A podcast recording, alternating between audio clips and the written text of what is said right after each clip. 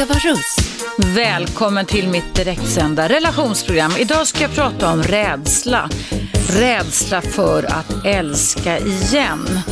Det är många människor, man som kvinna, ung som gammal, som går omkring här i Sverige idag i detta ögonblick och inget hellre önskar när vårsolen tittar fram om att kunna bli förälskade igen, kunna ingå i en ny parrelation igen. Men på grund av att man har väldigt mycket känslomässigt starka minnen sen förr så törs man helt enkelt inte det.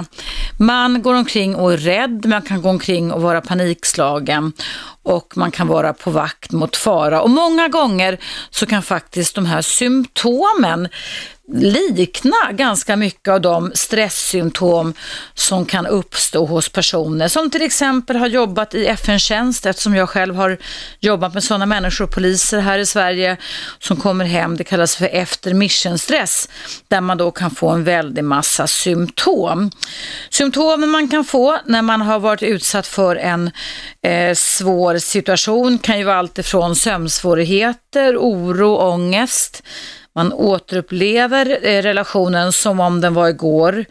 Man kan känna sig irritabel, känslomässigt tom, ha svårt att koncentrera sig, skuld och skamfylld. Och allt det här kan då bero på att det man har varit igenom i relationshänseende var så pass dramatiskt och farofyllt för en så att man helt enkelt släcker ner sina söksystem, sina nyfikenhetssystem och istället styrs av rädslan. Jag har mött jag har mött massor med män och kvinnor genom åren som har varit med om dramatiska och destruktiva och traumatiska relationssituationer. Det kan ha allt varit ifrån eh, att de har blivit psykiskt och fysiskt misshandlade på grund av att de har träffat människor som har haft varierande grader av eh, personlighetsstörningar. Eh, man kan ha trott att man har träffat den drömprinsen eller drömprinsessan och i ett höj efter ett tag när man har förankrat i varandras hamnar som man tror är trygga så är man inkastad i en traumatisk stress, en stresssituation där längden, frekvensen, styrkan och inriktningen inte avtar. Det kallas också med ett annat ord i min värld för kumulativ stressupplevelse. Och de faktorer som kan leda till just att man utvecklar en generaliserad rädsla för att våga älska igen har givetvis att göra med dels längden på relationen och hur lång tid det var sedan man avslutade den här relationen. För det vet vi ju alla att distans och avstånd kan ju viss mån optimera en viss läkning. Eh, det handlar också om riskerna man blev utsatt för, alltså de traumatiska situationerna, risken för liv och död, risken för liv och lem, men också givetvis också vilken form av stöd och bearbetning man har fått efteråt. Jag skulle faktiskt, eh, faktiskt vilja likna, och jag har gjort det många gånger när jag har mött män och kvinnor som har kommit till mig och varit rädda för att älska igen med att deras tillstånd som de har haft i mångt och mycket faktiskt har haft ganska många gemensamma nämnare med det stresstillstånd som man allt mer idag blir uppmärksam på och som kallas posttraumatiskt stresssyndrom. Posttraumatiskt stresssyndrom. Och det här eh, benämningen posttraumatiskt stresssyndrom, det betyder alltså post betyder efteråt. Efter en traumatisk händelse så kan man alltså utveckla olika typer av stresssymptom. Och eh, givetvis är det så att eh, experter liknande mig eller andra behöver sätta en rejäl diagnos på dig om du varit med om det här. Men jag har till och med också mött människor genom åren i arbetslivet som inte har haft en kärleksrelation som har lett till att de varit rädda för att älska igen med massa känslomässigt knepiga minnen. Utan det kan faktiskt räcka med att man har blivit rejält tilltufsad och rejält kränkt och nedtryckt av eh, någon galen arbetsgivare, någon galen chef eller galen kollega på jobbet. Där detta har pågått under en längre period och man har haft svårt att kunna ta sig ur den här situationen för att man i Sverige idag i fredstid alltså kan, och det är fullt möjligt, kan utveckla symptom som i mångt och mycket faktiskt kan likna posttraumatiskt stresssymptom. Jag har haft klienter som har varit utsatt både samtidigt, både för Eh, eh, kränkningar på en arbetsplats samtidigt som ens partner har blivit galen eller knäpp. Eh, det kan ha legat och tickat eller det kan ha varit och legat över en hela tiden. Och har man då varit med om de här dubbla kränkningarna under en längre period så kan man alltså lida av posttraumatiskt stresssyndrom.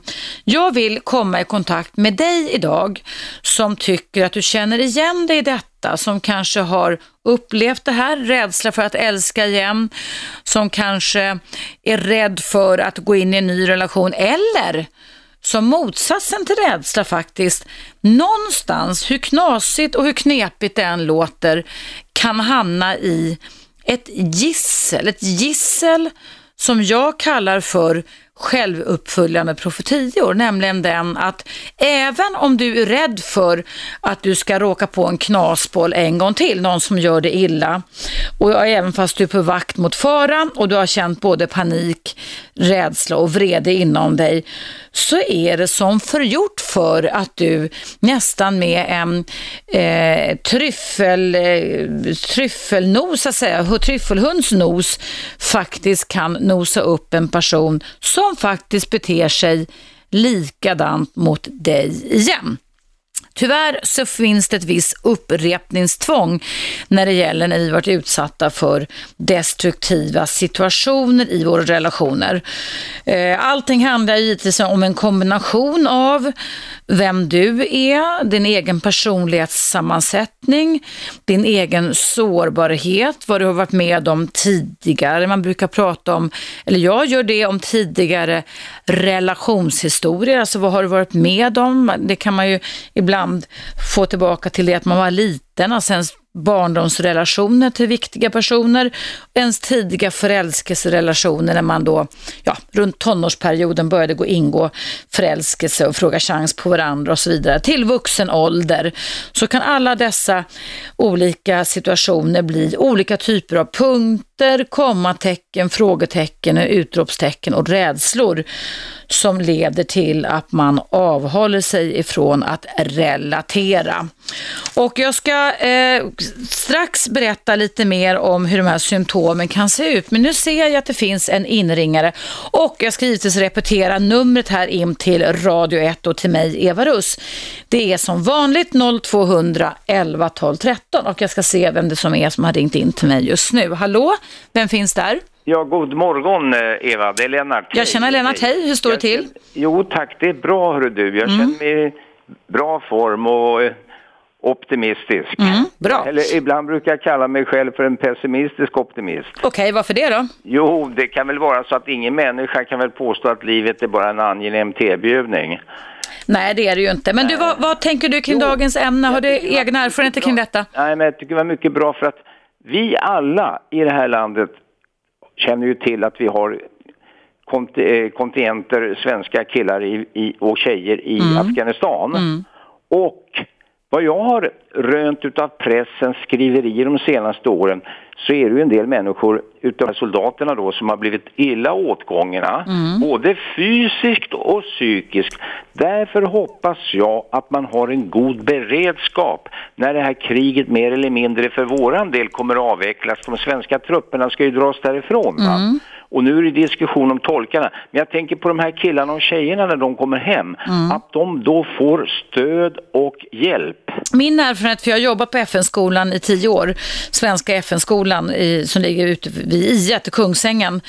Eh, det är att det finns professionell omvårdnad, att man är väldigt noga med att checka den psykiska statusen på dem när de kommer hem och att det finns någon slags försäkring där man kan få hjälp under en längre period när ja. man väl har kommit hem. Jag har ju då erfarenhet med, jag har ju släktingar i USA, kusiner som var med mm. i Vietnamkriget. Mm. och jag har ju hört en del beskrivningar och jag hoppas verkligen här, nu har det ju varit, visat sig att det har ju varit brister i det här för att det är ju soldater och, som har kommit hem till Sverige som mm. för några år sedan var väldigt missbelåtna med det brist på stöd som man mm. fick. Va? Och jag har inte hört att det har förbättrats någonting för de här som, de så kallade hemvändarna nu. Va? Mm. Och därför hoppas man ju verkligen om, för de har ju säkerligen individuellt och kollektivt upplevt hemska saker där nere. Va? Mm. Och vi vet ju hur det är, vi berörs ju dagligen i pressen nästan från Afghanistan mm. hur folk blir utsatta. Mm. Civilbefolkningen där har ju ett helvete mm. med de här men nu, pratar vi, men nu pratar vi relationer, men vi kan omsätta det du säger Lennart till du, du, du som lyssnar som har upplevt hemska relationer, äh, hemska situationer i din relation ja. kan ringa in. För det, man kan få ja. nästan likartade ja. symptom som man kan få när man varit på FN-tjänst eller FN-mission. Lite generellt när jag ringer in så här, men jag vill säga att mm. det på, de här hemvändarna, det kommer ju påverka hela samhället hur de mår. Mm. Och det är ju väldigt viktigt. Vi skickar ut killar här till ett krig va, som är, verkar vara oändligt. Det tar ju aldrig mm. slut, va, eländet. Va? Men det var ju i samband med eh, eh, både erfarenheter från andra världskriget men också sen då Koreakriget, reaktionerna där och Vietnamkriget som man började förstå att psyket är inte så, så tufft och liksom vattentätt som man det, tror. Det begrep man redan under för, första världskriget världskriget mm. när folk fick så kallade skällchocker, så granatchocker. granatchocker, ja, just det. Mm. Jag har sett filmer från den mm. epoken och visar folk som står och darrar. Va? Mm. Det är otroligt och skakar hela kroppen och helt frånvarande. Alltså, i, i, i, mm. De har ett inre inferno. Va? Det är mm. fruktansvärt. Men jag hoppas, jag tycker det var ett intressant ämne som du ja, tar upp. Vad roligt, ja. Det är ju många som kanske lyssnar på programmet som har släktingar som är här nere i Vietnam. Ja. Eller i Fast nu handlar det om relationer i Sverige ja, i och för sig, Lennart. Tack, tack, tack för din åsikt Lennart. Jag måste avrunda nu för det är nämligen dags för en nyhetsuppdatering. Nej det är det inte, det är dags för en reklampaus. Nu var jag lite virrig här idag. Eh, tack för din åsikt Lennart, men eh, jag likställde det med FN-missionen men jag pratar relationer här idag.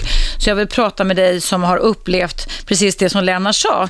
Psykiska och fysiska darrningar och källchock. Helt korrekt Lennart. Men då får du ringa in i pausen så kommer nu och numret är 0200 11 12 13. Vi pratar alltså om rädsla för att älska igen i mitt program Eva Russ på Radio 1.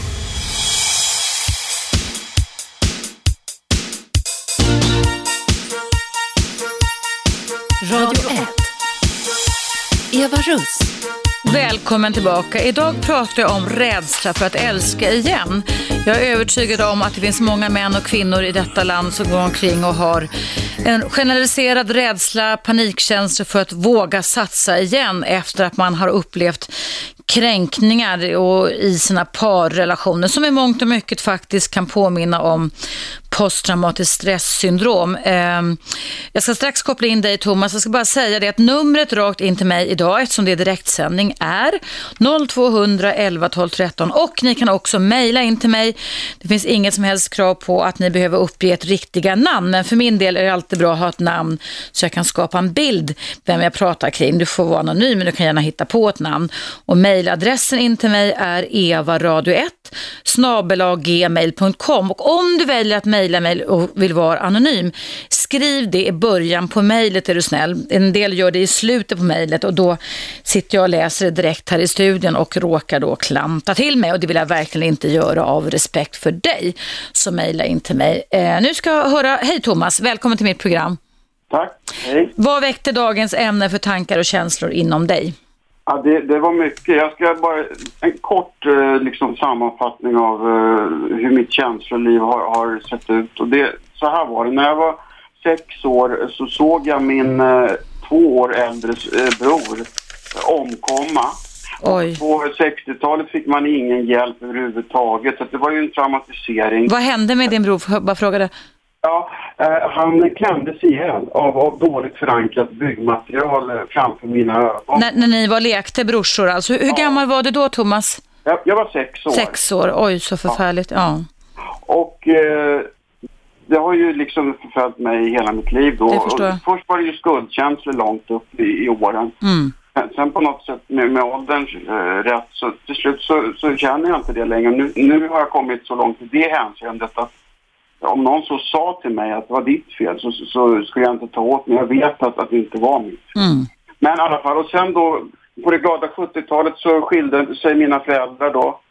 Eh, och eh, ja, min mor hittade en uh, alkoholist och mm. det var mycket så här, ta hand om mina småsyskon, jag är äldst och, och sen bröt hon sig ur det där och, och, men jag skapade mig tidigt ett eget liv och jobbade mycket och var anti mot alkohol men Sen utvecklade jag till slut eh, egen alkoholism då.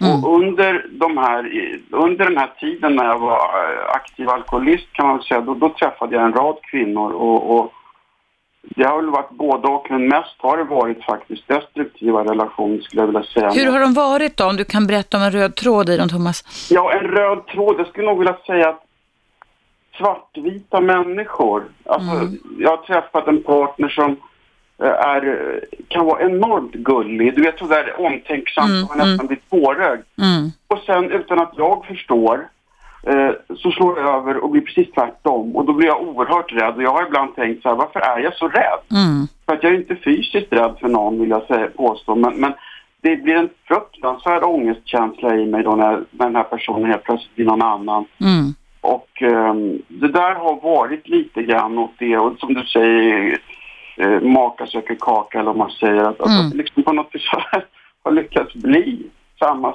karaktär på, på mina partner. Mm. Jag har ju eh, två barn eh, med två olika mammor då, då och eh, min 17-åriga dotters mamma har ju varit ehm, till och från, men ibland under större delen av min dotters, eh, när hon var upp till tio år i alla fall, fruktansvärt dålig kommunikation. Mm. Eh, med min son som fyller sex nu har det inte varit det lyckligtvis. Jag har en bra relation skulle jag vilja säga. Med hans mamma, ja. ja. Men, men, har det varit lika svartvitt den sista relationen med din, eller kanske inte din sista, men jag tänker med barnets, det sista barnets mamma också, eller? Ja, det var faktiskt det. Och vi blev, var så fruktansvärt elaka mot varandra, förstår du. Mm. Samtidigt som vi kunde vara väldigt rationella och prata om saker och ting. Men när vi tryckte igång varandra så det var nog rent fruktansvärt mm. alltså. Mm.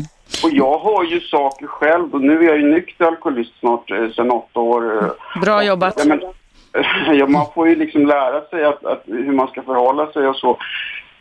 Men jag har ju brutit mot alla de här reglerna med, med min, min sons mor då och betett mig fruktansvärt illa. Och jag kan känna att jag borde veta bättre då som har tillgång till, till liksom verktyg. Men det har inte, funkar inte. Nej.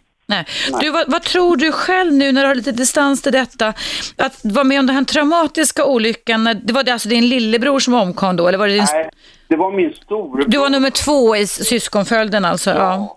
Och så blev jag äldst och ibland när jag har varit så här eh, känt mig kränkt på mm. arbetsplats och, och kanske svåra relationer, mm. då har jag tänkt så här Tänk om jag hade haft min storebror, då hade han liksom kommit och försvarat ja, mig. Ja, ja. ja.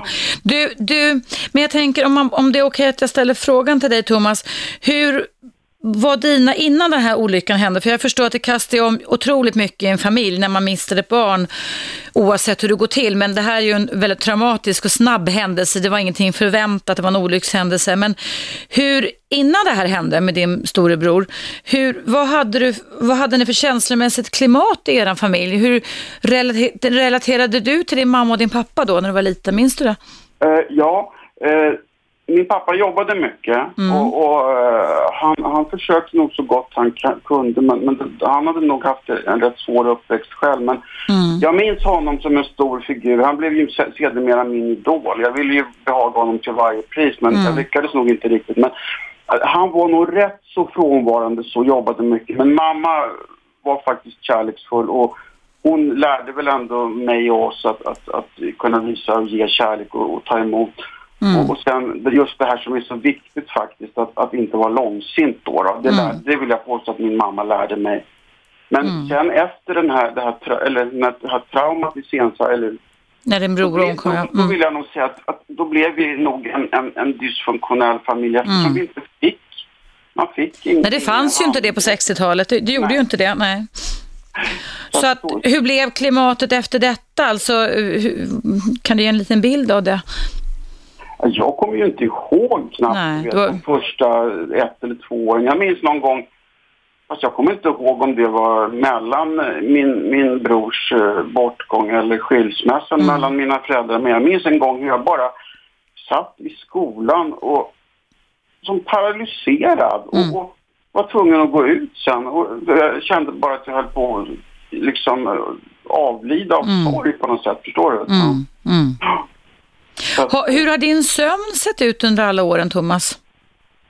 Det har väl varit ganska så här eh, okej tycker jag, men alltså eh, det där, ganska störd sömn och det var det till slut som gjorde att, att, eh, att jag mådde så fruktansvärt dåligt i alkoholmissbruk. Mm. Och för att det är ju förödande med, med Mm. sömn, men alltså det är då den här fruktansvärda ångesten sätter Just det, just det. Och jag tänker det här med valet av kvinnor då. Eh, det har varit som du sa, kvinnor som då har bekräftat dig och valt ut, eller ni har valt ut varandra och det har satt smack, bom bang, liksom bultande hjärta, allting har Ja. varit fantastiskt, eller hur? Men har du någon gång fått någon varningssignal som du har skjutsat bort? För det är ju ganska vanligt att man gör det, Thomas. Ja, jag, det har jag väl fått och jag har skjutsat bort det. Ja. Mm. Precis. Mm. Och det har varit i bägge de här fallen väldigt snabba rytm med att skaffa barn och Mm. flytta ihop och köpa hus och, Mm. Mm. och så. Då. Och jag har aldrig kunnat förstå, förstår du, hur... Jag har aldrig kunnat ta in det i, i magen eller hjärtat att, att den här personen faktiskt tycker om mig så mycket. Det har Mm. liksom bara varit som en film som spelar bredvid och sen Ja. just eh, när jag la av att dricka så kom, ramlade sidovinsterna in och, och sådär. Mm. Men jag har aldrig för, alltså, jag har inte kunnat ta till, jag kan bara ta till mig när jag är på botten. Då, då kan det bli en vilja till förändring. Mm. Hur, men är det så för dig idag, Thomas? Hur, hur gammal är du idag? Får jag fråga? 40-årsåldern eller? Fem- 50 i höst. Okej, Ja. ja. Hur, hur tycker du att du mår idag då? Just nu har jag väl mått jäkligt dåligt för att jag, jag efter alla dessa år i arbetslivet råkat, råkade jag på en chef då som var och jag vet inte, men jag, jag tycker att alltså, det har gått så jäkla fel och det är ändå han som är chef. Mm. Det har varit fruktans, fruktansvärda tre månader nu men nu verkar det faktiskt som att arbetsgivaren, alltså i form av ledning då, har Mm. ryckt upp sig egentligen och, och, och tagit sitt ansvar. Så att eh, det kan bli en, en förändring till stånd då. då. Mm. Mm. Du, en fråga eh, här innan pausen. När det här drabbade dig, det här traumat på 60-talet, för att alltså när man tittar på posttraumatisk stress på Vietnamveteraner så sitter ju den oftast i livet ut om man inte får hjälp. Sen kan det självläka emellanåt med, men ofta så leder det till att man drar ut någon slags kvitto kring sig själv. Jag är inte tillräckligt värdefull, jag gjorde inte tillräckligt för detta. Tror du att det är någonting sånt som har snurrat inom dig? Du nämnde det med skuldkänslor lite, fast du var så en liten plutt, du var sex år när det här hände, när din bror omkom i en olycka. Ja, det kan det mycket Mm. väl vara och eh, just det här att när de här rädslorna, när det blir liksom springa eller, eller slåss Ja, så har det, jag jobbar ju inte hand mot eh, kvinnor och barn, har aldrig gjort. Nej. Däremot så har ju många män fått lida. Och det, det är ju för att jag, jag tycker då liksom att det, det svartnar för ögonen. Ja. Det som har varit så oerhört hemskt med den här chefen. För att hade det varit när jag var aktiv, då, då hade... när du drack alltså, ja. Det hade aldrig hänt för att då hade, hade jag liksom typ begravt honom och sen hamnat, hamnat i olycka själv. Mm. Och, och, och det du beskriver Thomas, det är typiskt, man kallar det på engelska för startle response, startle response, alltså att man kan bli överreaktiv, förstår du? Att man, när man Ja. känner någon form av hot eller rädsla, det handlar om kamp eller flykt som du beskrev, så kan man dra igång sig inåt helsike. Så det kan ju innebära också att din rädsla för de kvinnor du har levt med kan ha blivit väldigt överdriven kanske. Det kanske inte har varit så farligt som det har varit så att säga, men in, inom dig har det blivit så. Du, en fråga till dig. Har du ork och lust och motivation att stanna kvar en liten stund efter pausen och Ja. fortsätta prata? Är det okej för Ja. dig eller? Det är okej. Då, eh, jättebra, för jag tänker att det här är, det du beskriver så fint, det är någonting som är ett liksom, lärorikt exempel, om du, om du ursäktar att jag uttrycker det så, kring hur det kan bli. Men jag vill gärna coacha dig lite också vad du kan göra. Tack. Så att om du bara hänger kvar Thomas så ska vi lyssna på nyheterna här. Du lyssnar på Radio 1 och jag pratar idag om rädsla för att älska igen. Att man ibland, precis som Thomas, kan alltså få nästan symptom som liknar posttraumatiskt stresssyndrom och post betyder efter, alltså efter man var med om en traumatisk händelse så kan symptomen sitta kvar. Jag ska fortsätta mitt samtal med Thomas efter pausen, men du är också välkommen att ringa in eh, i pausen så sätter jag er på vänt och numret är 0200 11 12 13. Du lyssnar på Radio 1 och jag heter Eva Russ.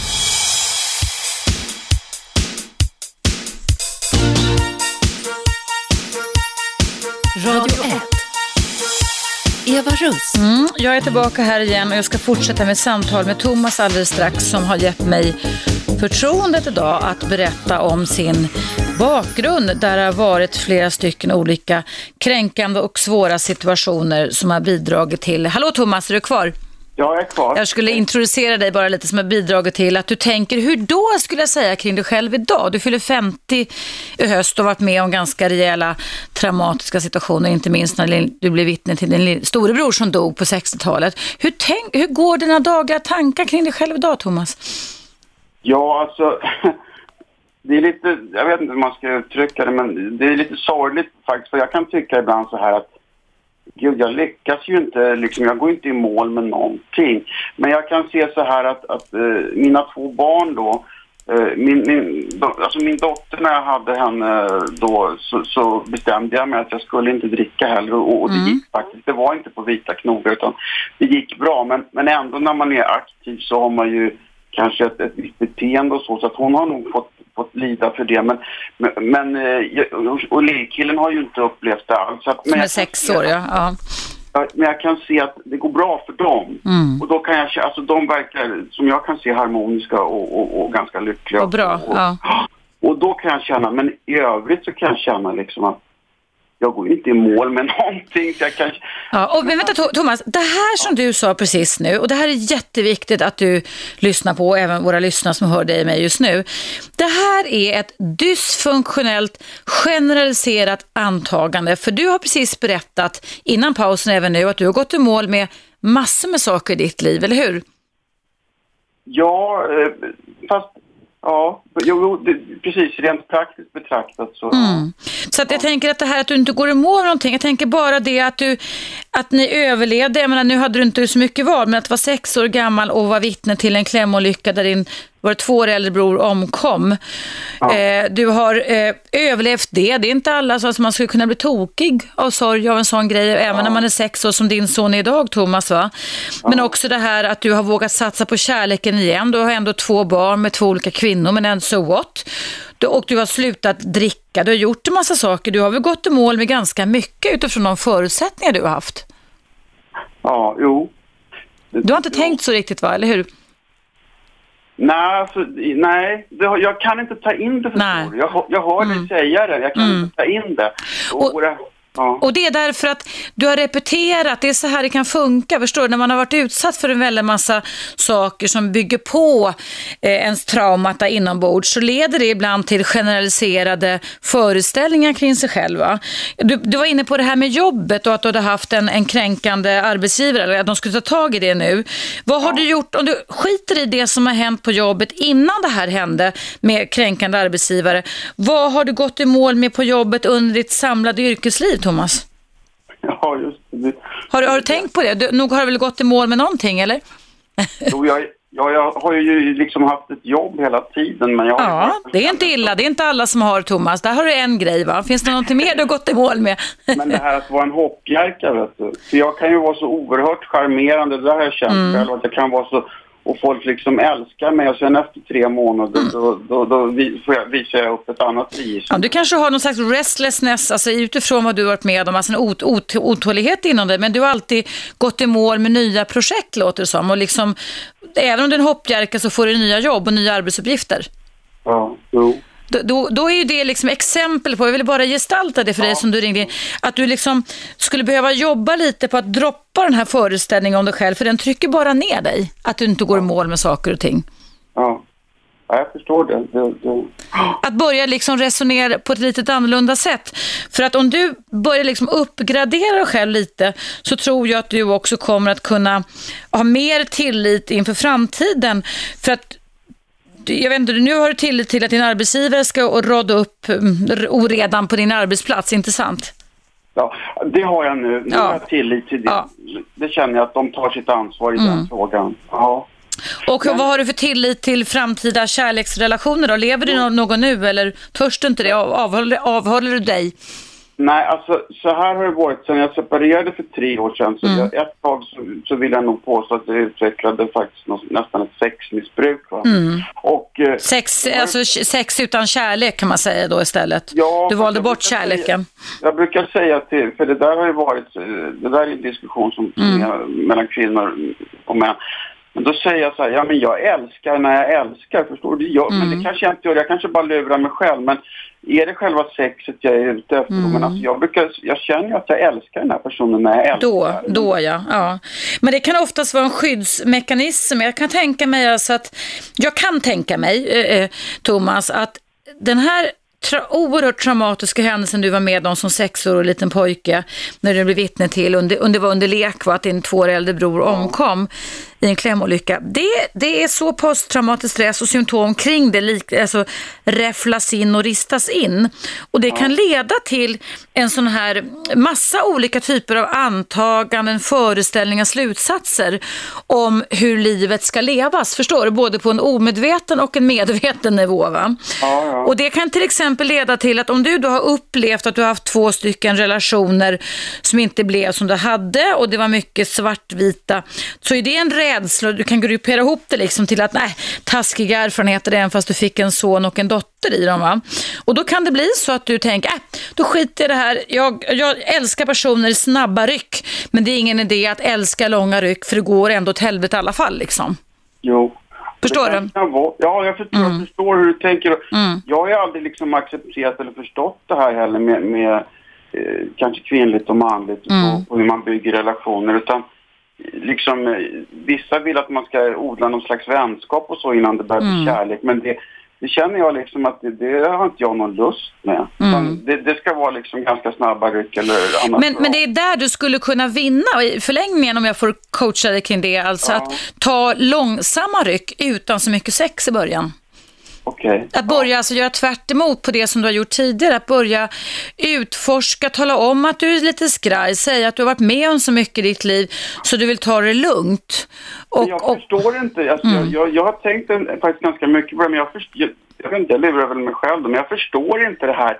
Varför? För jag, det är tydligen så att, att om, om man har för mycket sex tidigt i en relation så är det inte bra sen för framtiden. det, det, det, man ska inte ge- generalisera det med, men det jag brukar säga det är att man kan ibland bli lite fartblind. Att, att, att den här personen sitter i ungefär nio månader till ett ungefär, det är lite individuellt förstås, va? med dopaminet som är som ett knarkkänsla, liksom uppåt tjack. Va? Och då är man, idealiserar man väldigt mycket, man ser, alltså varseblivningen, du ser inte alla saker som du borde ha kanske en varningsflagg för då. Det är klassiskt på något sätt. Va? Och sen när du vaknar upp så kan det bli skitskraj och då är det redan kört. Du kanske personen i fråga är gravid eller kanske har gifter och så vidare. Va? Förstår du? Så att du behöver längre startsträcka kring detta, men du behöver också jobba på ditt antagande om att du inte går i mål med saker och ting. För jag hör att du är en man som fyller 50 höst som har gått i mål med väldigt, väldigt mycket mer än vad många andra av oss människor skulle pallat med överhuvudtaget. Det var snällt sagt. Ja, Jag tycker det. Jag menar all, allvar alltså. Ja. Jag tycker det. Så det behöver du mata dig själv lite med tycker jag. Ja. Och sen försöka ta en längre startsträcka och så vidare kring att lära känna tjejer. Va? Om du vill ha en varaktig relation, alltså vill du inte ha det så behöver du inte göra som jag säger, men det är, mitt, det är mitt råd till dig i alla fall. När du Jag nu vill varit... ju ha det. Jag vill Ja, jag menar det. Ja. Så att, ehm, och skulle du någon gång känna liksom att du skulle vilja ha någon hjälp med, med det här traumat att du varit med om, även, jag vet inte hur det påverkar dig idag Thomas att prata om det. det. Det påverkar mig faktiskt inte speciellt mycket. Nej, du har fått det. dis- distans till för det kan man få. Men annars kan man alltså få hjälp med en ögonrörelseterapi som heter EMDR. Jag har nämnt det många gånger i mitt program. Och den kan funka på gamla traumatan som är 40-50 år gamla också, alldeles utmärkt. Så att man alltså kan få, det är oftast många privatpraktiserande, men på Danderyds sjukhus och på Uppsala Akademiska har de traumaenheter. Så det kan du överväga eller mejla till mig på evaradio1 så kan jag vägleda dig om det skulle behövas, Thomas. Tack snälla Eva. För ja, tack för din uppriktighet och tack för att du ville vara med mig så pass länge. Jag hoppas jag inte gjorde något intrång i ditt liv här utan att det kändes okej okay att vi pratade på det här sättet. Eller? Det, det, det, initialt så kände jag så hur mycket ska jag lämna ut. Mm. Men jag tror inte på att, mörka grejer. Det är lika bra att lägga upp ja. på bordet bara. Mm. Tack, ja. men kom ihåg det här. Vakta ditt antagande om dig själv. Börja fundera lite över, jaha vad säger jag, vad för någonting där? Vad har jag gått i mål med i livet? För det kan hjälpa dig på sikt. Och sen då ha en längre startsträcka med inte så mycket sex i början. Sex kan man ha livet ut, så det, ja. det, det kan du redan, det vet du hur man gör. liksom. Men det du ska lära dig det är hur du ska undvika svartvita reaktioner, med, eller relationer förlåt, med överreaktioner tycker jag. Och då ska du göra lite tvärtom och se vad som händer då. För det kan bli väldigt spännande för dig framöver tror jag. Ja. Tack snälla. Jag håller tummarna för dig. Tack för din öppenhjärtighet och en trevlig helg Thomas också. Ja, tack detsamma. Ha det bra. Du. Tack detsamma. Hej då. Tack. Hej. Hörrni, det är dags för en liten reklampaus. Du lyssnar på mig, Eva Russ. Och idag pratar jag, precis som jag gjorde med Thomas här, om rädslor i, reak- eh, i, jag fel, rädslor i relationer handlar om. När man kanske har varit med om så pass mycket som även Thomas har varit med om, både dödstraumat han som barn och eh, relationer som har gått slut så kan man då avhålla sig från, eller som Thomas berättade om, att man kanske då väljer bort känslo och relationsdelen och bara vill ha sex. Vi kan ha väldigt massa olika sätt hur vi vill överleva på. Ring in till mig och berätta din historia eller ställ frågor om, och, och till mig eller berätta hur du har löst det här. Numret är 0200 11 12 13. Nu tar vi en liten paus för reklam som kommer här.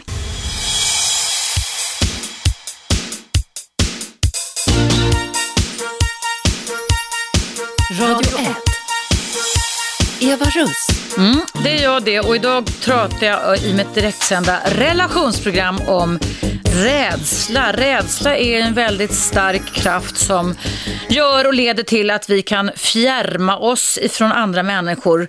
Och våran hjärna har ju den förmågan att den kan lagra väldigt mycket känslomässiga minnen sen förr som kan leda till att vi kan utveckla en generell rädsla för olika saker. Och om man i en parrelation eller en relation, kärleksrelation, har varit utsatt för mycket psykiska och fysiska angrepp där man har härdat ut och man har stått kvar och man har tagit emot en massa skit så kan man faktiskt utveckla generell rädsla som i mångt och mycket kan påminna om faktorer för posttraumatisk stress. Och posttraumatisk stress det betyder alltså post betyder efter. Efter att man varit utsatt för någonting svårt så kan man utveckla olika typer av stresssyndrom. Och eh, vanliga symptom på detta, det behöver inte vara det, men jag pratar om att symptomen kan likna det. Det kan vara till exempel att man kan ha återkommande, påträngande, på, plågsamma minnesbilder eh, som är relaterade till den relationen och de händelser man varit med om. Man kan ha mardrömmar om det. Man kan eh, återuppleva ibland både dag och nattetid som om man var på den här platsen igen eller var i den här relationen igen. Man kan uppleva ett intensivt obehag inför inre eller yttre signaler som symboliserar eller liknar någon aspekt av det traumatiska som hände. Och man kan få fysiologiska reaktioner som gör att man alltså kräks, man får ont i huvudet, man får ont i ryggen, man får ont i magen. Och samtidigt då när man pratar om det här då, när man har, har ett, olika stimuli som har det här att göra, så kan det leda till att man undviker platser och personer, man undviker att bli kär, man undviker att prata sina tankar och känslor och samtal om sådana saker som förknippas med det man har varit med om. Man kanske till och med inte minns viktiga saker, man förtränger, man tappar lusten och motivationen att företa sig och liksom det, vara delaktig i kommande viktiga aktiviteter. Man kan känna främlingskap och man kan få svårt att känna kärlek. Och man har också kanske Kanske då väldigt mycket negativa förväntningar och föreställningar inför framtiden. Och jag har fått ett mejl här angående rädsla för kärlek ifrån David. Det står så här. Hej, med anledning av dagens ämne. Jag undrar, skriver David, hur man som partner ska förhålla sig till någon som lider av posttraumatisk stress eller motsvarande. Jag har erfarenhet av att en av mina tidigare relationer tagit slut på grund av att killen jag varit tillsammans med upplevt rädsla över att jag skulle lämna honom. Troligtvis med anledning av tidigare hemska saker han varit med om i sina relationer. Det slutade med att han gjorde slut, men det verkade inte som det egentligen var det han ville. Nästan så kändes det som om han gjorde det mot sin vilja, men ändå var tvungen. Jag fick en känsla av att det blev så för att han var rädd för att bli sårad eller, först, eller att först lämna för att inte bli lämnad själv. Ja, tack David för ditt mejl. Det här är väl det som du sätter fingret på ditt mejl här när vi pratar om rädsla för kärlek. När man har upplevt svåra situationer tidigare. Är de här klassiska beteendena att man som du beskriver i ditt mejl, att man då kanske ibland omedvetet ofta förekommer istället för att förekommas. Och att man kan känslomässigt överreagera. Man är alltså på vakt mot fara, man har en startle response.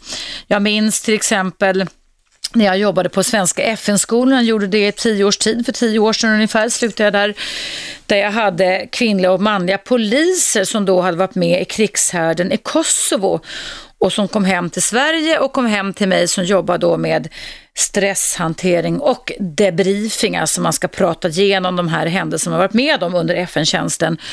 Hur både män och kvinnor kunde berätta att när de då låg och sov i Stockholm, eller de städerna de kom ifrån i Sverige, så, så fort de hörde till exempel ljudet av en polissiren eller en brandkårssiren, så flög de upp när helst på dygnet, även fast de hade djup sömn och var på vakt mot fara. För det var så de hade reagerat när de var i Kosovo, att de liksom i princip sov med uniformen på sig när det hände farliga saker där nere. Och det är en startler, alltså en snabb startrespons där man alltså reagerar och hjärtat går i högvarv och pulsen vandrar upp och hjärnan gör en omdirigering faktiskt och säger fara, fara, fara och då slås också förnuftet ut. Och det är samma sak som kan hända i en kärleksrelation, att man kan alltså hamna i en parrelation om man har mycket i bagaget sen förr kan ha med barndom att göra, kan ha med kränkande situationer att göra, så kan man alltså överföra den här rädslan till motparten fast ingen rädsla finns. Och då kan man bli sådär otroligt rädd som David beskriver och lägga benen på ryggen och springa och göra slut. Fast det liksom inte är den överhängande faran då. Och då frågar ju David i mejlet här hur han ska göra. Ja, alltså det bästa vi kan ge en partner en kärleksrelation eftersom ganska många av oss faktiskt kan vara traumatiserade till och från i livet. Därmed inte sagt att alla behöver psykiatrisk hjälp. Men vi kan ha många saker i bagaget beroende på dels vad vi har upplevt men också hur vi har tacklat det. Det är ju givetvis om vi nu älskar varandra och vill ha personen kvar fast den har flytt. Det är ju då att försöka söka upp den personen som flyr och agera trygg bas. Att ge en person sin hundraprocentiga delade uppmärksamhet, att vara den här, om du tänker trygga stora nallebjörnen som står där no matter what, alltså som står pall och inte tar det personligt de här utdropp öppen och de här göra slut-tendenserna som kommer, utan att man står där och är varm och god och tar hand om oavsett hur motparten beter sig. Det kan vara alltså första hjälpen i en parrelation för en person som kan lida av stressreaktioner sen förr. Man kan skriva brev, man kan skriva mejl, man kan tala om för sin partner att även om du flyr här och beter dig illa mot mig så förstår jag att det kanske har med ditt liv förr att göra. Så jag vill vara kvar här hos dig. För David skriver i sitt mejl, han får en känsla av att hans kille gör slut fast han ändå inte vill det och att han var tvungen. Och då är det de känslomässiga delarna som svämmar över. Så att Förnuftet slås ut av stark rädsla. Förnuftet slås ut av stark eh, panik och även av stark vrede. Det är som Thomas berättade här innan om att det kan svartna för ögonen. Vi kan inte tänka så logiskt med hjärnans nya system när vi upplever och tolkar situationen, när vi gör alltså en riskbedömning att det är fara och färde och hot mot livet. Och det är där det kan bli ett gissel för oss moderna människor idag att det gamla systemet, alltså reptilhjärnan, det limbiska systemet som installerades först hos oss har på något vis företrädesrätt. Så det kan leda till att om vi får ett litet minnesfragment i en parrelation som kan påminna om hur det en gång var när vi hade det riktigt traumatiskt och svårt, så kan hjärnan säga fara, fara, fara och slå över så att vi lägger benen på ryggen och springer. Fast fast det alltså inte finns fog för det. Och då är det ju lite så att det kan vara bra att man upplyser sin partner om det här David och att man berättar att jag tycker nog att du överreagerar och att man står kvar. Sen är väl kanske det allra bästa det att den som flyr hela tiden på något vis är villig att ta emot en form av återkoppling på de destruktiva eller dysfunktionella beteenden man har. Där man alltså får tala om för dem, precis som man kan göra när svenskarna nu slår upp sommarstugan och bryter ihop för man tror att en liten svensk skogsbindel ska hoppa upp och mörda, mörda oss här i Sverige. Så är det samma typ av reaktioner, att det behövs ett litet fragment för att vi sen ska bli galna av rädsla och fly. Så att eh, prata om rädslan, jämför rädslan, stanna kvar David, sök upp din partner, skriv brev, visa för din partner att du står kvar är ett sätt att hjälpa människor som har starka stressreaktioner sedan förr. De kan ju behöva gå i terapi, de kan behöva ha traumabehandling, men en sak som hjälper väldigt mycket när rädslan slår över så här, det är avslappningsträning. Det är att man punkt sätter in någonting som gör att man andas långsamt och lugnt och verkligen går ner i varv. För då kan hjärnans gamla system, alltså reptilhjärnan, få lugna ner sig till förmån för att det nya systemet som står för eh, förnuft och känsla och logik ta över och det är då man kan utforska bildligt talat om den här faran verkligen är så överhängande eller inte. Det gäller att träna sig på att skilja på förr och nu. Och eh, givetvis så ställer det väldigt mycket krav i en parrelation på den som eh, blir utsatt för sådana här start och respons, att man bara springer, springer, springer. Jag har faktiskt själv varit ihop med en person som hade den här typen av start och respons som bara sprang, sprang, sprang, sprang, men också som gjorde sig fullständigt otillgänglig i veckor. Och det gick givetvis inte att relatera till slut och den personen hade inte heller någon som helst intresse av att granska sig själv. Det var sorgligt på den tiden, idag har jag kommit över det. Men det, liksom, det, det finns sådana människor och ibland så går det helt enkelt inte. Det är också en sak som vi får lov att mata in. Men många gånger så kan man komma till rätta med sån här stark rädsla när man har upplevt svåra situationer förr. Hörrni, tiden går fort här. Det är direktsändning på Radio 1. Jag heter Eva Russ och jag jobbat som relationsexpert på Aftonbladet sedan tio år och på Radio 1 sedan snart två år tillbaka. Det är direktsänt relationsprogram och du kommer in sent så kan du lyssna på det i sin helhet. Det började klockan 10 i morse, klockan 19 varje vardag så kan du lyssna på Radio 1 och mig, Eva Russ.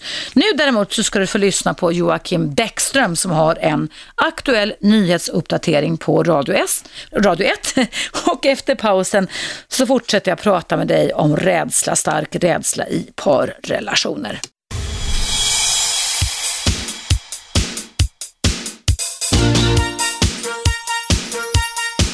Radio 1.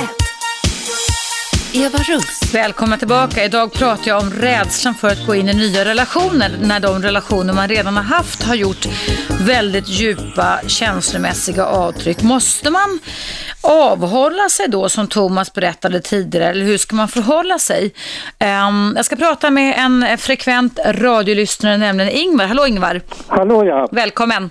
Tack så mycket. Vad väcker det här ämne för, ämne för tankar hos dig idag?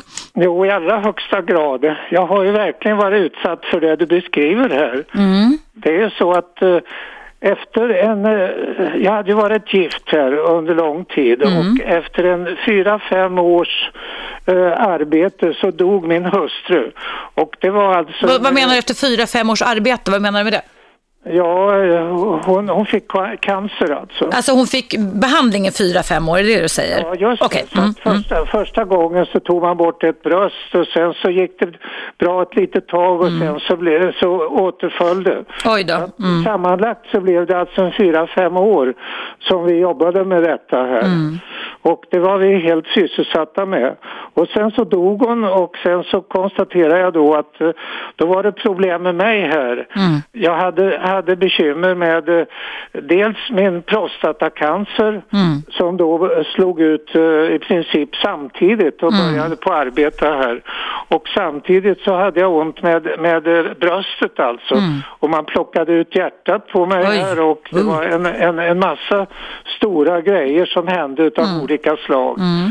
Och det innebar det att jag var upptagen i princip en tio år efteråt här med att försöka att återvinna min, min uh, känsla och min, min, uh, mitt sätt att fungera. Mm. Så att jag hade tidigare jobbat väldigt mycket med att skriva och, och sånt och det försvann alltså ifrån Det förstår jag, för det handlar om liv och död för dig och även din fru som sen gick bort. Ja, exakt mm. alltså. Och efter, efter hennes död så var jag i princip upptagen då med att försöka klara de här stora grejerna som mm. jag beskrev här alltså. Mm. Här. Och vad, vad, hur tänker du då, hur ska vi koppla det till dagens ämne, rädsla för att satsa på nytt så att säga? Jo, det blir mm. så att eh, nu för bara något år sedan så började jag på att finna tillbaka möjligheten att, att uh, skriva och prata och liknande. Mm. Så jag har ju varit med en 10, 15, 20 gånger kanske på de här programmen. Ja, det har du. Ja. ja, och det gör det att jag har bara på, fått ett stort intresse av att skriva och, och uh, återuppliva igen det som jag skulle kunna göra. Alltså. Hur, hur, det viktiga tycker jag i frågan till dig då just nu Ingvar, det är hur har du gjort för att kunna släppa det förgångna? För det är det det handlar om, om man ska kunna gå in i en relation till sig själv som du beskriver, eller en ny kärleksrelation. Hur gör du för att kunna släppa allt elände du varit med om? Ja, jag, jag, har, eh, jag funderar inte närmare på vad som har hänt exakt mm. utan, mm. utan jag, jag utgår ifrån det jag kan och vill nu här och, och känner alltså en, en väldig livslust med att, att försöka gå vidare och mm. börja på att, att ja, skriva och, och göra motsvarande saker. Mm. Och det har inte varit på mig på en ja, 15-20 år alltså. Nej. Så att det, det, det är alldeles, något alldeles nytt som dyker upp för mig här. Vad härligt, vad roligt, ja, vad underbart. Det, det stora fina som händer alltså. Mm, mm. Men, men, sen kommer problematiken in då här att jag har väldigt svårt att kunna utöva, ska vi säga, sexuella relationer helt enkelt. Mm. Men däremot så, så fungerar jag väldigt bra i övrigt alltså. Här. Mm. Och mm. det, det, är alltså den nya situationen jag står inför här. Mm. Vad ska man göra för någonting? Därför att jag är ju nu 85 år plus alltså. Här. Ja. Jag, konstaterar då att vi, vi, vi träffas uh, det gäng som gick ut Karlberg då 1949-50 ja. och nu är det mer döda än levande kvar utav oss här i allra högsta grad. Mm. Alltså. Det är också så, sorgliga situation man står inför. Du, Ingvar, du ska ha tack för din erfarenhet och din livsberättelse kring detta. Eh, tack för att du lyssnade på Radio 1. Vi hörs säkert igen. Hej då! Ja. Hej, hej, hej. Ja, hörrni, idag är dagens ämne här i mitt direktsända relationsprogram. Det handlar alltså om, precis som Ingvar tog upp också, hur ska man göra för att kunna gå vidare? Och vad Len, eller eh, Lennart, vad, säger, vad Ingvar sa, det var det här att eh, leva i nuet.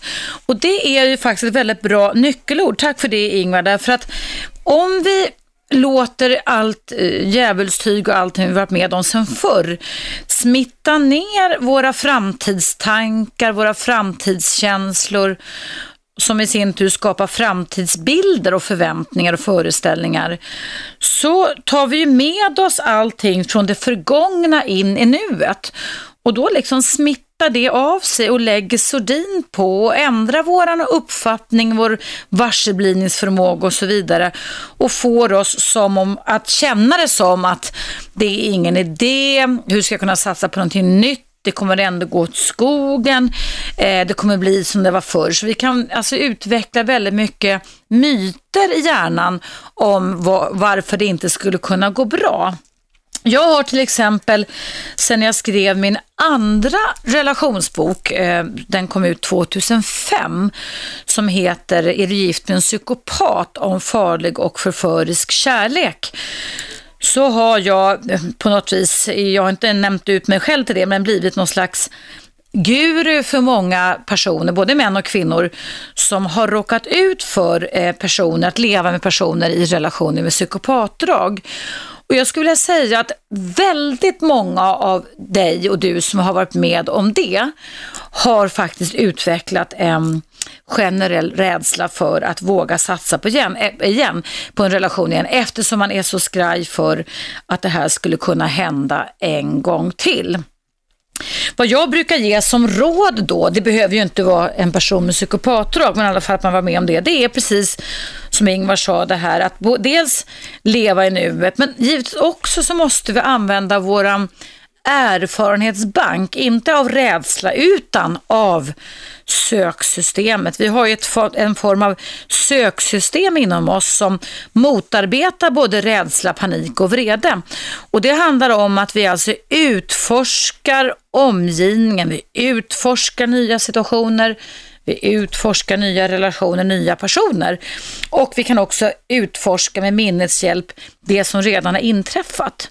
Och där kan man ju bli lite, tycker jag, eller vi måste bli det, relationssmarta relationssmarta så att vi kan alltså lära oss någonting av det förgångna så att vi alltså identifierar riskfaktorer om, om eller när vi ska gå in och uppleva kärlek i en relation igen. Och där kan man ju faktiskt ägna sig åt att göra en lista en, eh, på alla typer av risker och varningsfaktorer. Och som jag sa till Thomas, som jag coachade första timmen här, så kan man ju faktiskt också gå ut med om man träffar en ny person att jag vill ta det väldigt lugnt därför att. Och är det så då att du skulle möta nu när det är vår och ja, lite time för förälskelse igen, någon som säger nej, då får det vara.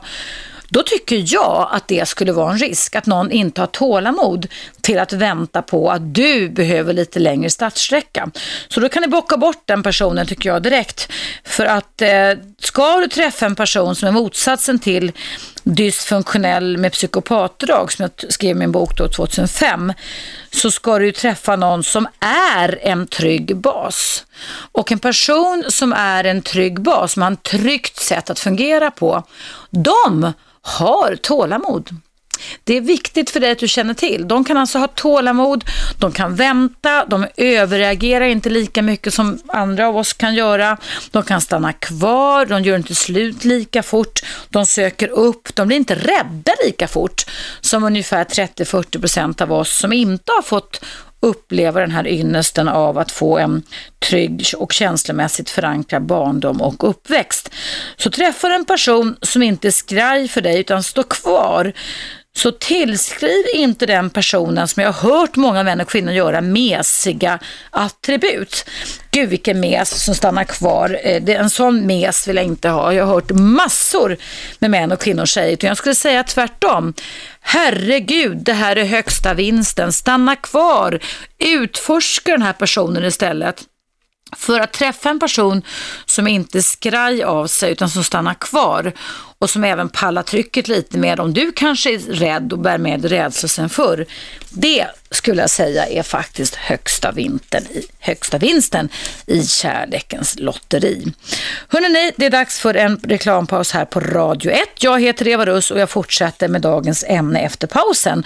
Om du vill är du varmt välkommen att ringa in till mig. Numret är 0200 11 12 13 och ämnet handlar om rädsla i parrelationer.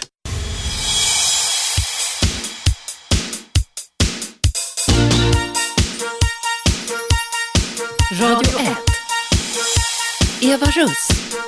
Ja, idag pratar jag i mitt direktsända program om rädsla i relationer. Rädsla som från förr, man kanske haft dysfunktionella, destruktiva relationer och hur den ibland kan bli till en generaliserad och övergeneraliserad rädsla som leder till att du avhåller dig från att gå in i nya relationer. Det är många som ringer nu. Jag ska prata med Linda först och sen är Karin på vänt. Hallå Linda, välkommen! Hej! Berätta vad det här ämnet väckte för tankar och känslor inom dig. Ja du, eh, för ett och ett halvt år sedan så hade jag ett förhållande mm. med en människa som jag hade känt i många år tidigare. Mm. Eh, när jag gick in i förhållandet så visade det sig vara något helt annat än vad det hade visat sig på utsidan. Vad, vad hände? Lite kortfattat sådär, vad hände? Nej, det var psykisk misshandel, eh, ingen kärlek, ingen, ja, ingen berörelse, liksom, mm. ja, ingen uppskattning och kall människa helt enkelt. Mm. Hur länge hade du känt den här personen innan ni blev ihop? I tre år. Okej, okay. och vad, vilken uppfattning har du fått om vederbörande innan ni blev ihop? Eh, guld och gröna ängar. Okej. Okay. Mm. Så det, det, var liksom A och O. Dr. Jack eller Mr. Hyde kan man kalla det för. Ja, det kan man mm. nog lugnt säga. Mm. Och det har gjort idag att eh, jag träffar killar men det är sällan det händer någonting. Men jag Mm. knuffar dem bort igen därför att jag är så rädd. Mm. Jag är så rädd att det ska vara fel, jag är så rädd att det inte kommer fungera. Mm. Eh, jag är så rädd att jag är för på, att jag är för tillbakadragen. Mm. Eh, jag är väldigt ensam, vill hemskt gärna träffa en partner men jag vågar inte helt enkelt. Mm. För att jag är rädd att det blir fel och eh, Mm. Jag knuffar undan dem. De får gärna komma. Jag kan träffa någon, eh, till exempel på en dejtingsida. Jag har varit och fikat, men Mm. tycker om människan, men vågar inte och, och ta bort det ifrån livet. Hur, hur beter du dig då, Linda, när du knuffar bort killarna som du dejtar? Ja, det är olika anledningar. Att eh, barnen ska komma, att jag måste iväg. Eh, men... mm, Du skyll, skyller på saker som du inte egentligen behöver skylla på, är det det du säger? Ja, precis. Istället för att säga som det är liksom. Mm. För att jag, jag, är, jag är riktigt rädd och, och, över mitt beteende, hur jag är. Mm. Eftersom att den här killen jag var tillsammans med vart jag så blåst av och jag är så rädd att bli det igen. Mm. Eftersom att jag hade tänkt att satsa hela mitt liv. Jag har två barn idag. Ja. Jag var beredd på att skaffa barn, allting. Ja. Men det, det, det vart en psykisk misshandel Mm. kan jag kalla det för. Liksom, när man inte blir berörd. Eh, man ska ge honom en puss, han vänder bort huvudet. Eh, jag vill inte vara med om det igen, men jag vill kunna få tillit Mm. och ge killarna en chans. Mm, mm. Det, det otäcka är ju lite det du varit med om Linda, när man eh, blir sådär blålurad. För det finns ju personer, både män och kvinnor, som är som Dr Jekyll och Mr Hyde. Jag har själv mött en sån person. Det är därför mitt specialintresse lite för den här typen av relationer. Och, och man är, där får man verkligen låta bli att skuldbelägga sig själv. Liksom. Det, det, har inte jag sagt att du gör, men många gör ju det och tror att jag borde ha förstått, jag borde ha sett. Det behöver man inte alls göra, för de är experter på att manipulera. Va? Så att det, där kan till, till och med sådana som jag och psykiatriker och psykoterapeuter bli lurade. Så det får man lägga undan. Men det som är viktigt och som du sätter fingret på, Linda, det är det här att din rädsla efter det du har varit med om leder till att du sk- skjutsar bort säkerligen även bra presumtiva killar som du skulle kunna bygga upp en relation med, eller hur? Ja, jag vet det. Så att det, Och- är det men det, det är ju liksom att... Ja, men där, där gäller det ju för dig, att, i och med att du ändå är medveten om detta och ringer in till mig, att jag skulle rekommendera dig att göra någon form av liten manus för dig själv. Där du utan att du behöver blotta så mycket om dig själv kunde ge de här killarna som du kan känna som du dejtar, som verkar vara möjlig i alla fall, en hint om att jag är en tjej som vill ta det lite lugnt för jag är ganska bränd. Alltså du behöver inte berätta för det kan du ju vara mer förtrolig med om du fördjupar en relation, eller hur? Det är Men- inte det första man säger. Nej, du behöver inte säga, men du kan säga att man är bränd. Va? Jag är bränd, jag har varit med om saker som jag inte vill uppleva, därför så vill jag ha en längre startsträcka. Är du med på det? Kan du tänka dig det? Jag vill lära känna dig ordentligt innan jag blir för förtrolig och fördjupa relationen. Vad tror du skulle hända om du skulle börja liksom marknadsföra dig på det sättet?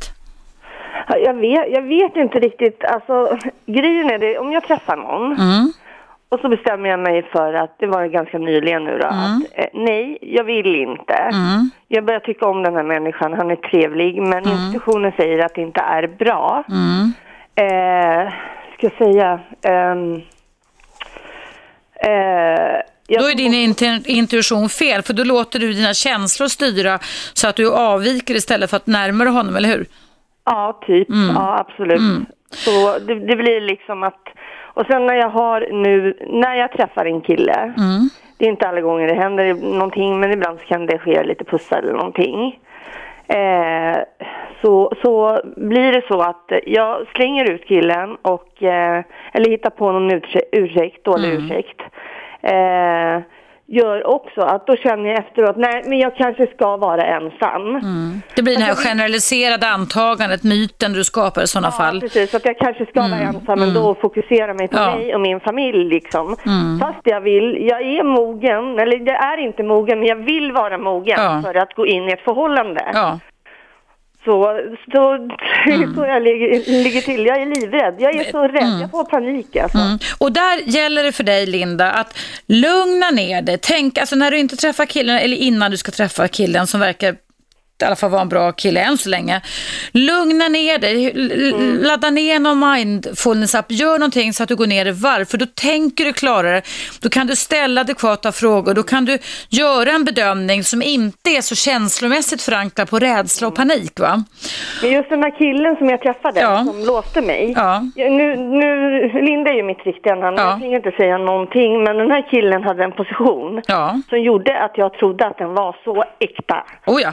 men, men människor som är destruktiva drag och det finns även manschettförbrytare, eh, white collar psychopaths, liksom, det tror man ju upp, Aha, sitter i ledande befattningar, en 3-4 procent i samhällsskiktet. Så att, eh, det har inte ett dugg att göra med intelligens eller att man är professor eller hjärnkirurg eller vad fan man är, mm. man kan vara knasig ändå, förstår du?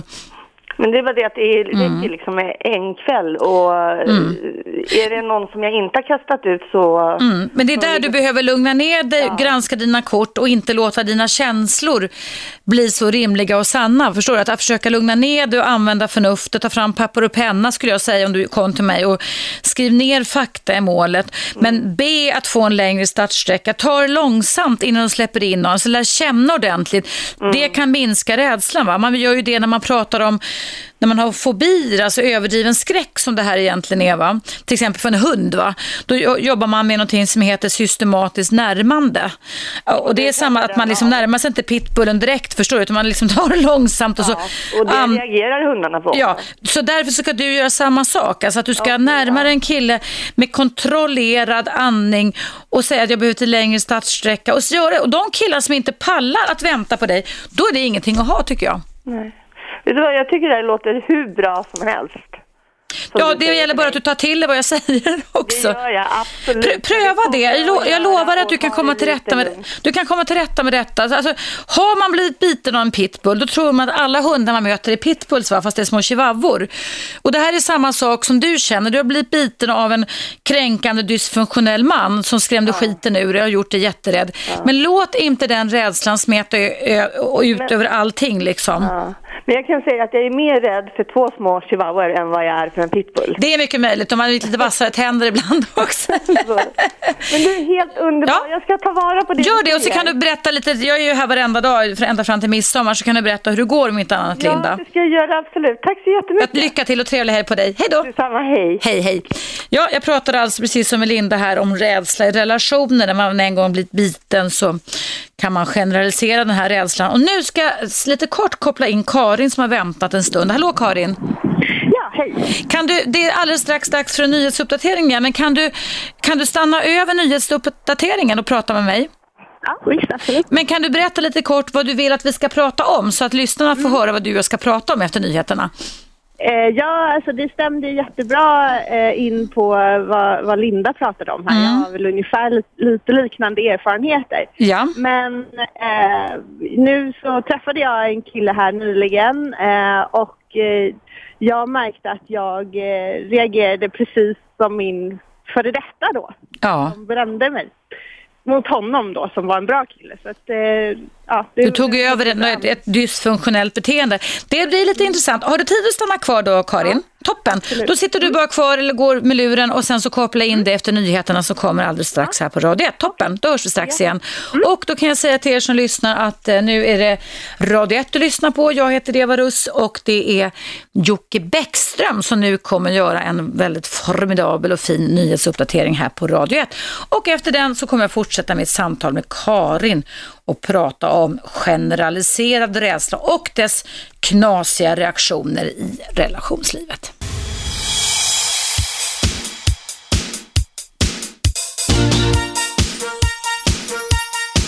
Radio 1. Eva Russ. Välkommen tillbaka. Jag ska nu prata med Karin om hur rädsla från tidigare relationer kan sprida sig framåt i tiden på ett väldigt destruktivt sätt men också givetvis vad man kan göra åt det. Hallå Karin, välkommen tillbaka.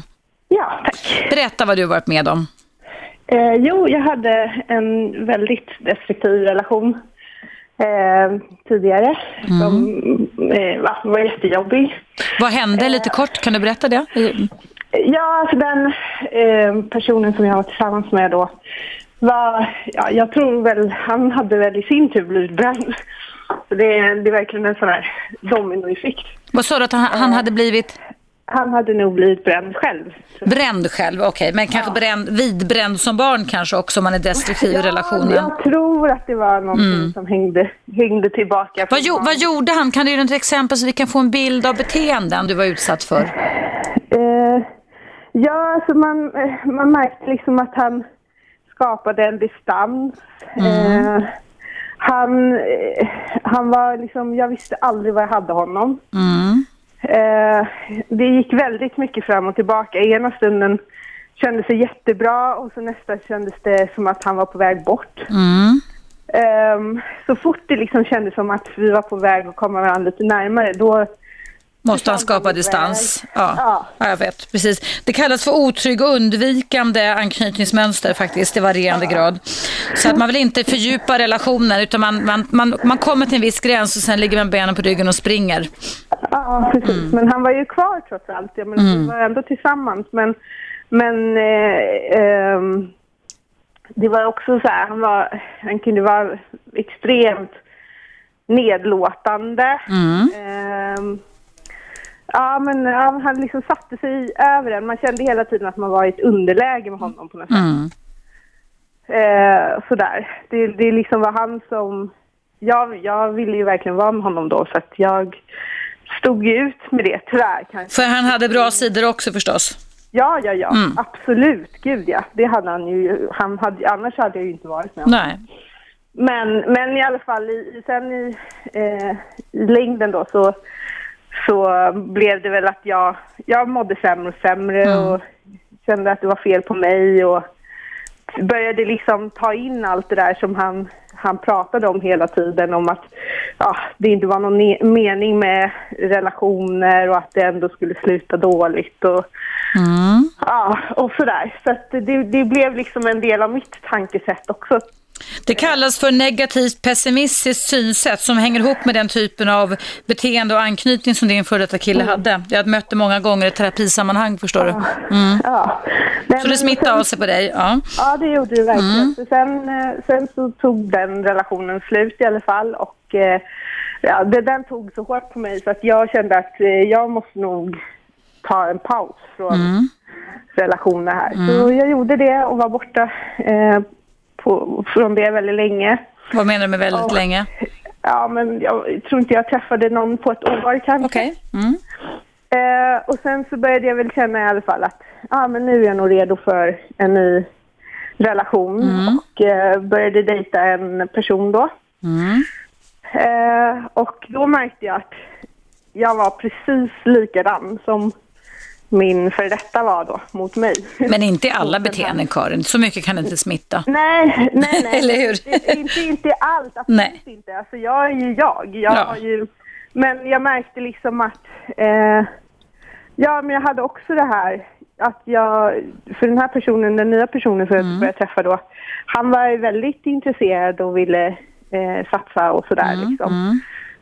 Eh, och då var det typ som att jag ehm, ja, drog mig undan och liksom Mm. satte eh, villkoren och, Mm. eh, och började bli el. Jag var elak mot honom också Mm. och jag kände så här, vad är det här? Det här är ju inte jag. Jag inte. Att, för, att förminska andra är ju ett sätt när man känner sig rädd och skrajsen.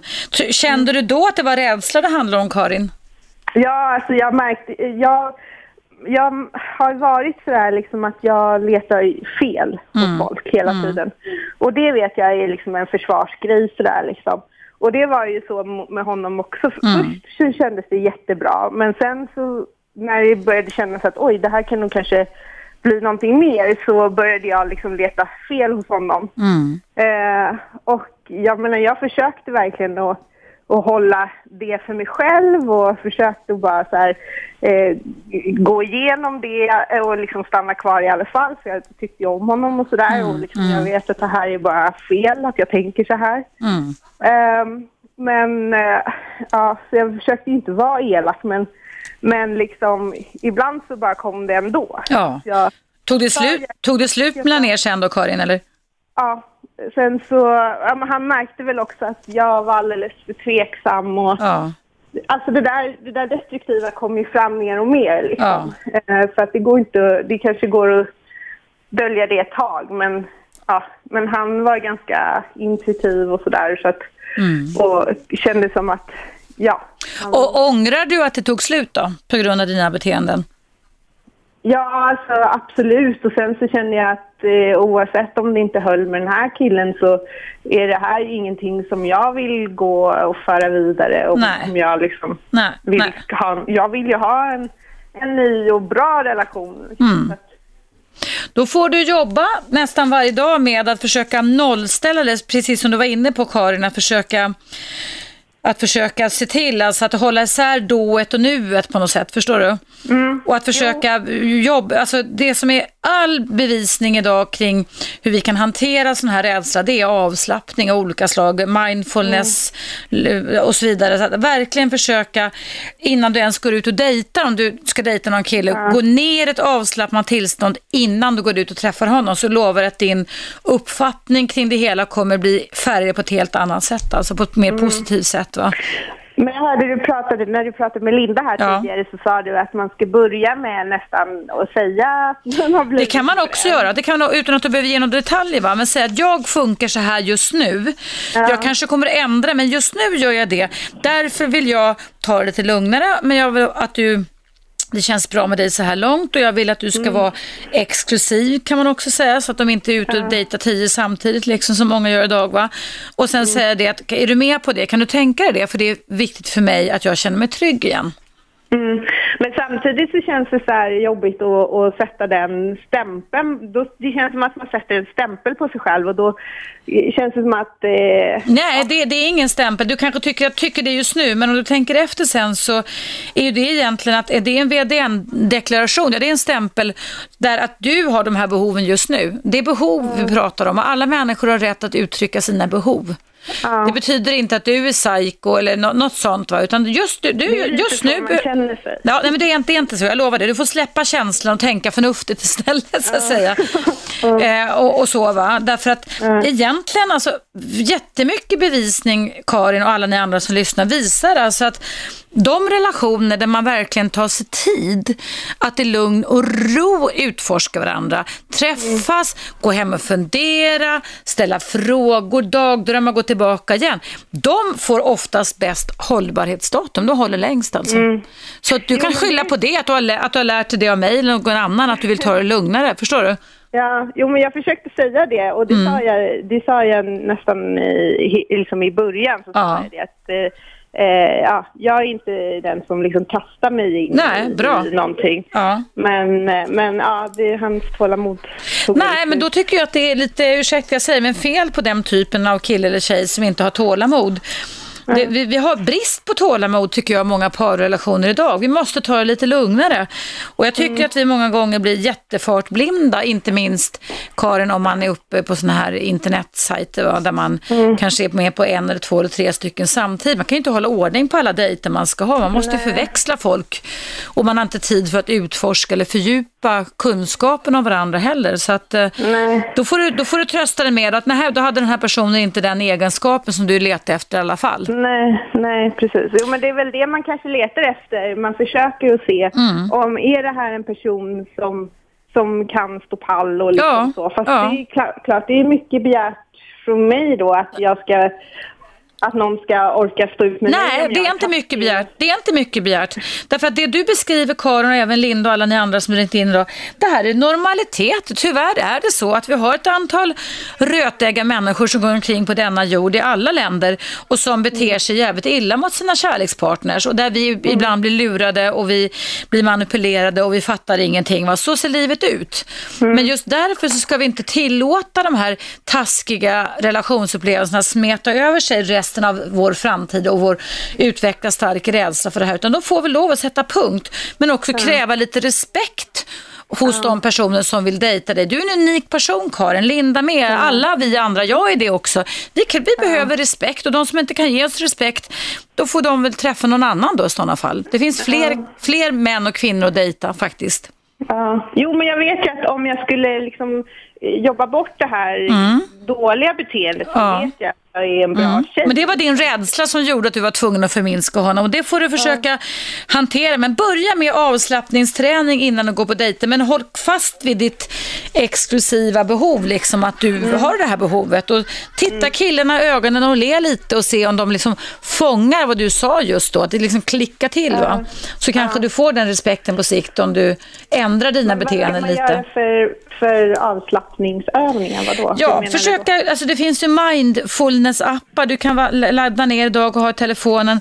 Du kan bara gå ner i varv, det finns avslappningsövningar på nätet, det finns en uppsjö av detta. Andas långsamt och lugnt, tänka på, på den lugnt och vackert så att du känner att du går ner i varv. Va? Och då, då, mm. då blir inverkan av rädsla och panik inte lika stark i hjärnan.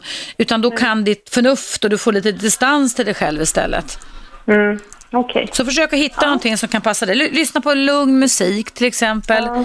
som gör dig lugn. En fem, ja. fem tio minuter sådär innan en dejt, det brukar göra susen, det vet jag. Prova det i alla fall. Okay. Lycka till så länge Karin och kom ihåg att du ska inte ge upp, okej? Okay? Nej, tack så mycket. Bra, tack för ditt förtroende. Hej då! Hej hej! Hej! Hörrni, det är dags för en reklampaus på Radio 1. Jag heter Eva Rust och dagens ämne om du vill ringa in det finns fortfarande tid till mig. Det handlar om rädsla i parrelationer. Alltså när man har haft en rädsla, varit med om jobbiga saker som Karin och Linda och även Thomas har berättat om här idag. Att se till att inte den här rädslan smetar ut sig och blir till en generaliserad rädsla som gör att du avhåller dig från att närma dig presumtiva nya kärlekspartners.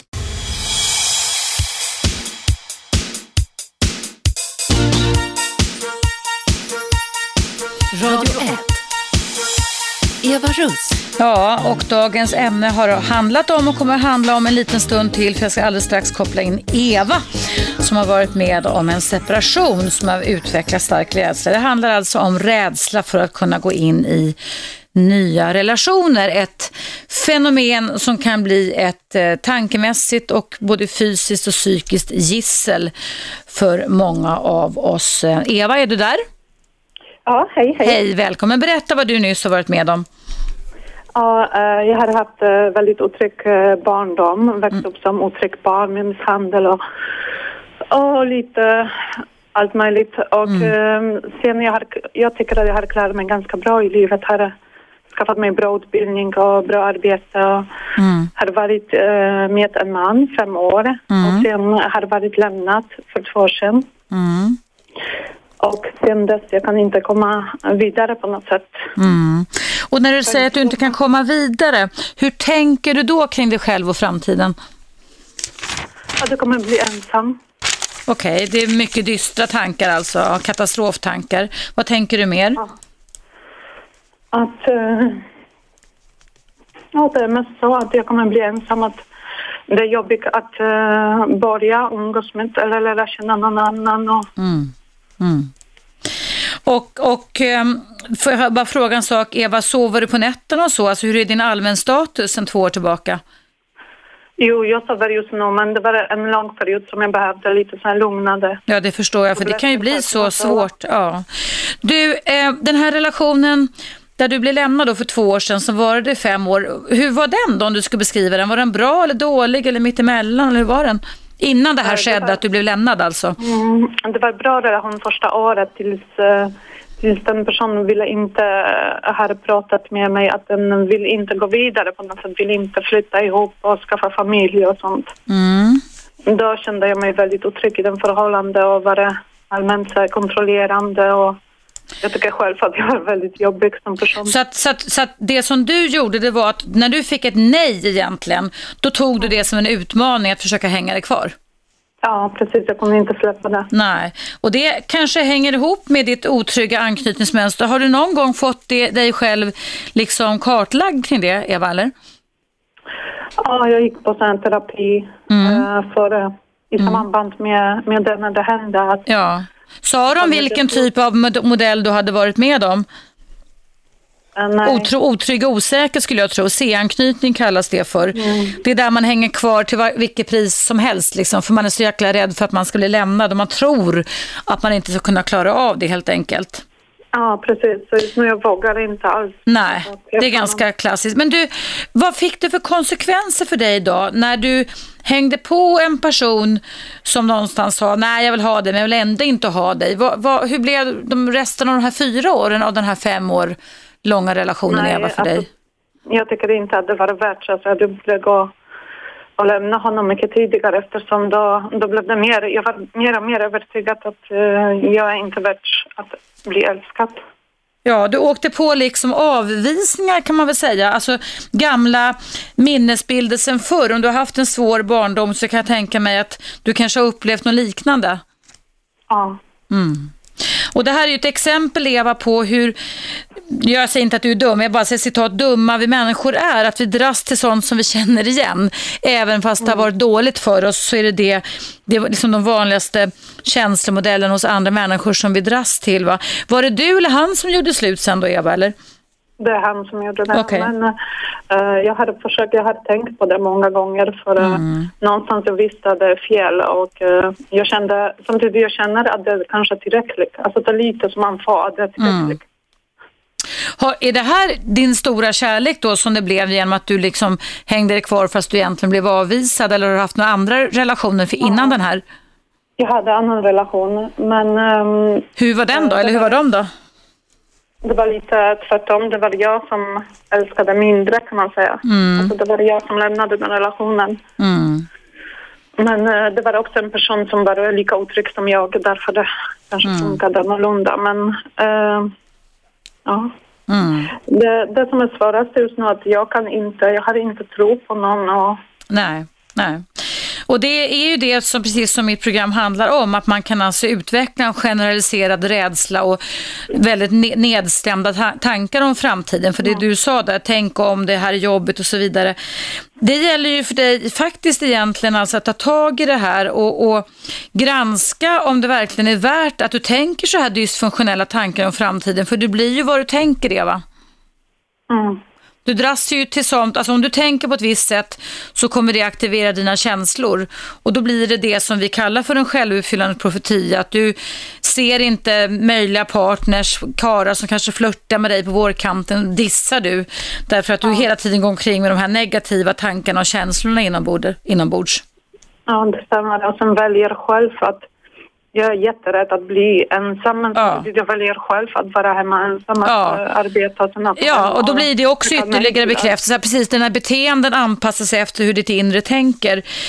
Jag skulle nästan rekommendera dig eh, ett varv, om det är okej för dig att jag säger det i alla fall, men alltså att, att gå till en psykoterapeut som är legitimerad med KBT-inriktning eller kognitiv psykoterapiinriktning som jag är och som eh, har läst på, för alla har faktiskt inte gjort det idag, men kring det här med anknytningsmönster skulle vara en grej. Eller låna boken som Egil Linga skrivit som heter Hemligheten. Han har skrivit två böcker som heter Hemligheten och Den dolda hemligheten. Ja, den. Jag har läst den. Ja, för, där, för, för har det inte gett dig lite uppslag om hur du skulle kunna tackla det här och dig själv då, eller? Alltså det, det är mycket som jag kan förstå om jag, om, om jag tar distans från, mig- Ja. eh, från mig själv. Ja. Så kan jag förstå väldigt mycket och Ja. jag vet varför jag reagerar på visst sätt. Ja, just jag kan det. inte förändra den beteendet. Jo då, det kan du visst det. Och det är där jag tror att det skulle kanske vara bra för dig och alla ni andra lyssnare som känner igen er i Evas beteenden här att ta ett varv. Alltså det kan löna sig så mycket om du har tid och möjlighet och råd också ska jag säga då att gå i psykoterapi max kanske tio gånger för att kunna få vägledning kring det här. För att det här handlar om invanda mönster, att man blir bra på det man tränar så att säga.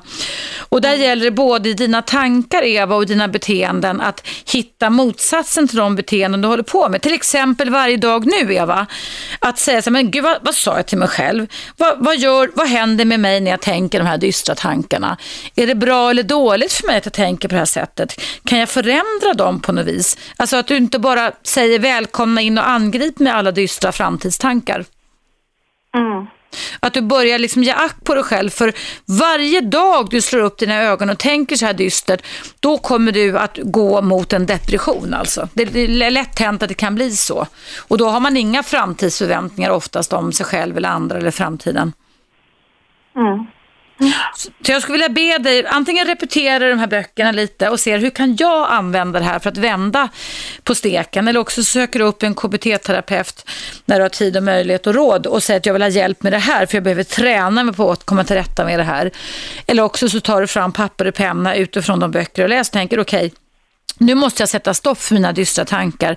Jag kan inte låta den här rädslan generalisera så pass mycket kring det här. Men har man haft som du en otrygg barndom, och det har jag full respekt för Eva, då är det ju lätt hänt att det här fortsätter att spöka. Men det är därför sådana som jag finns till och även litteratur kring det här också. Så att vi kan sätta punkt en gång för alla. En, en olycklig barndom behöver inte spöka resten av livet in i våra relationer vill jag säga. Mm. Du kan väl försöka ta en funderare på det jag sa i alla fall och fundera på ja. vad du ska kunna göra och kanske läsa om de här böckerna. Och jag har ju skrivit en bok som kom ut 2006 som heter Varför väljer jag alltid fel partner? Eh, den finns inte att handla längre men man kan nog låna den på biblioteket tror jag. Där jag också skriver om väldigt mycket om anknytningsmönster så om du får tag på den så kanske du kan läsa den i alla fall och börja med den. Ja, jag ska försöka. Prova och så det... hoppas jag att du lyssnar på mig för det här ämnet kommer säkert komma tillbaka ska du se. Det är högaktuellt alltid nästan. Ja, tack för ett bra program. Ja, tack för att du ville berätta Eva. Jag håller tummarna men se över vad du kan göra med tankar och känslor och beteenden, okej? Okay? Mm. Pröva, öva. Tack så länge. Okay. Hej då. Hej. hej, hej. Ja, kära lyssnare, nu är det dags för mig att sätta punkt. Vill du lyssna på det här programmet i sin helhet så går det i repris ikväll på vardagar klockan 19.00 på Radio 1 med frekvensen 101,9 kan du lyssna på mina två timmars relationsprogram som alltså varit i direktsändning nu. Nu alldeles strax ska jag lämna över spakarna till Best of Aschberg. Det är en repris på Best of Aschberg, något aktuellt ämne som han har haft. Och sen klockan 13 så kommer då Fredrik Sten, eh, hundcoachen in här som då vikarierar för Cissi Wallin när hon är bortrest. Jag tackar så jättemycket för mig och hoppas att du får en bra helg. Och kom ihåg det, att ska du förändra någonting, gamla invanda mönster, då ska du göra tvärtom mot det du har gjort tidigare. Du behöver inte börja med det värsta tänkbara, men du kan börja med små, små steg i en annan riktning.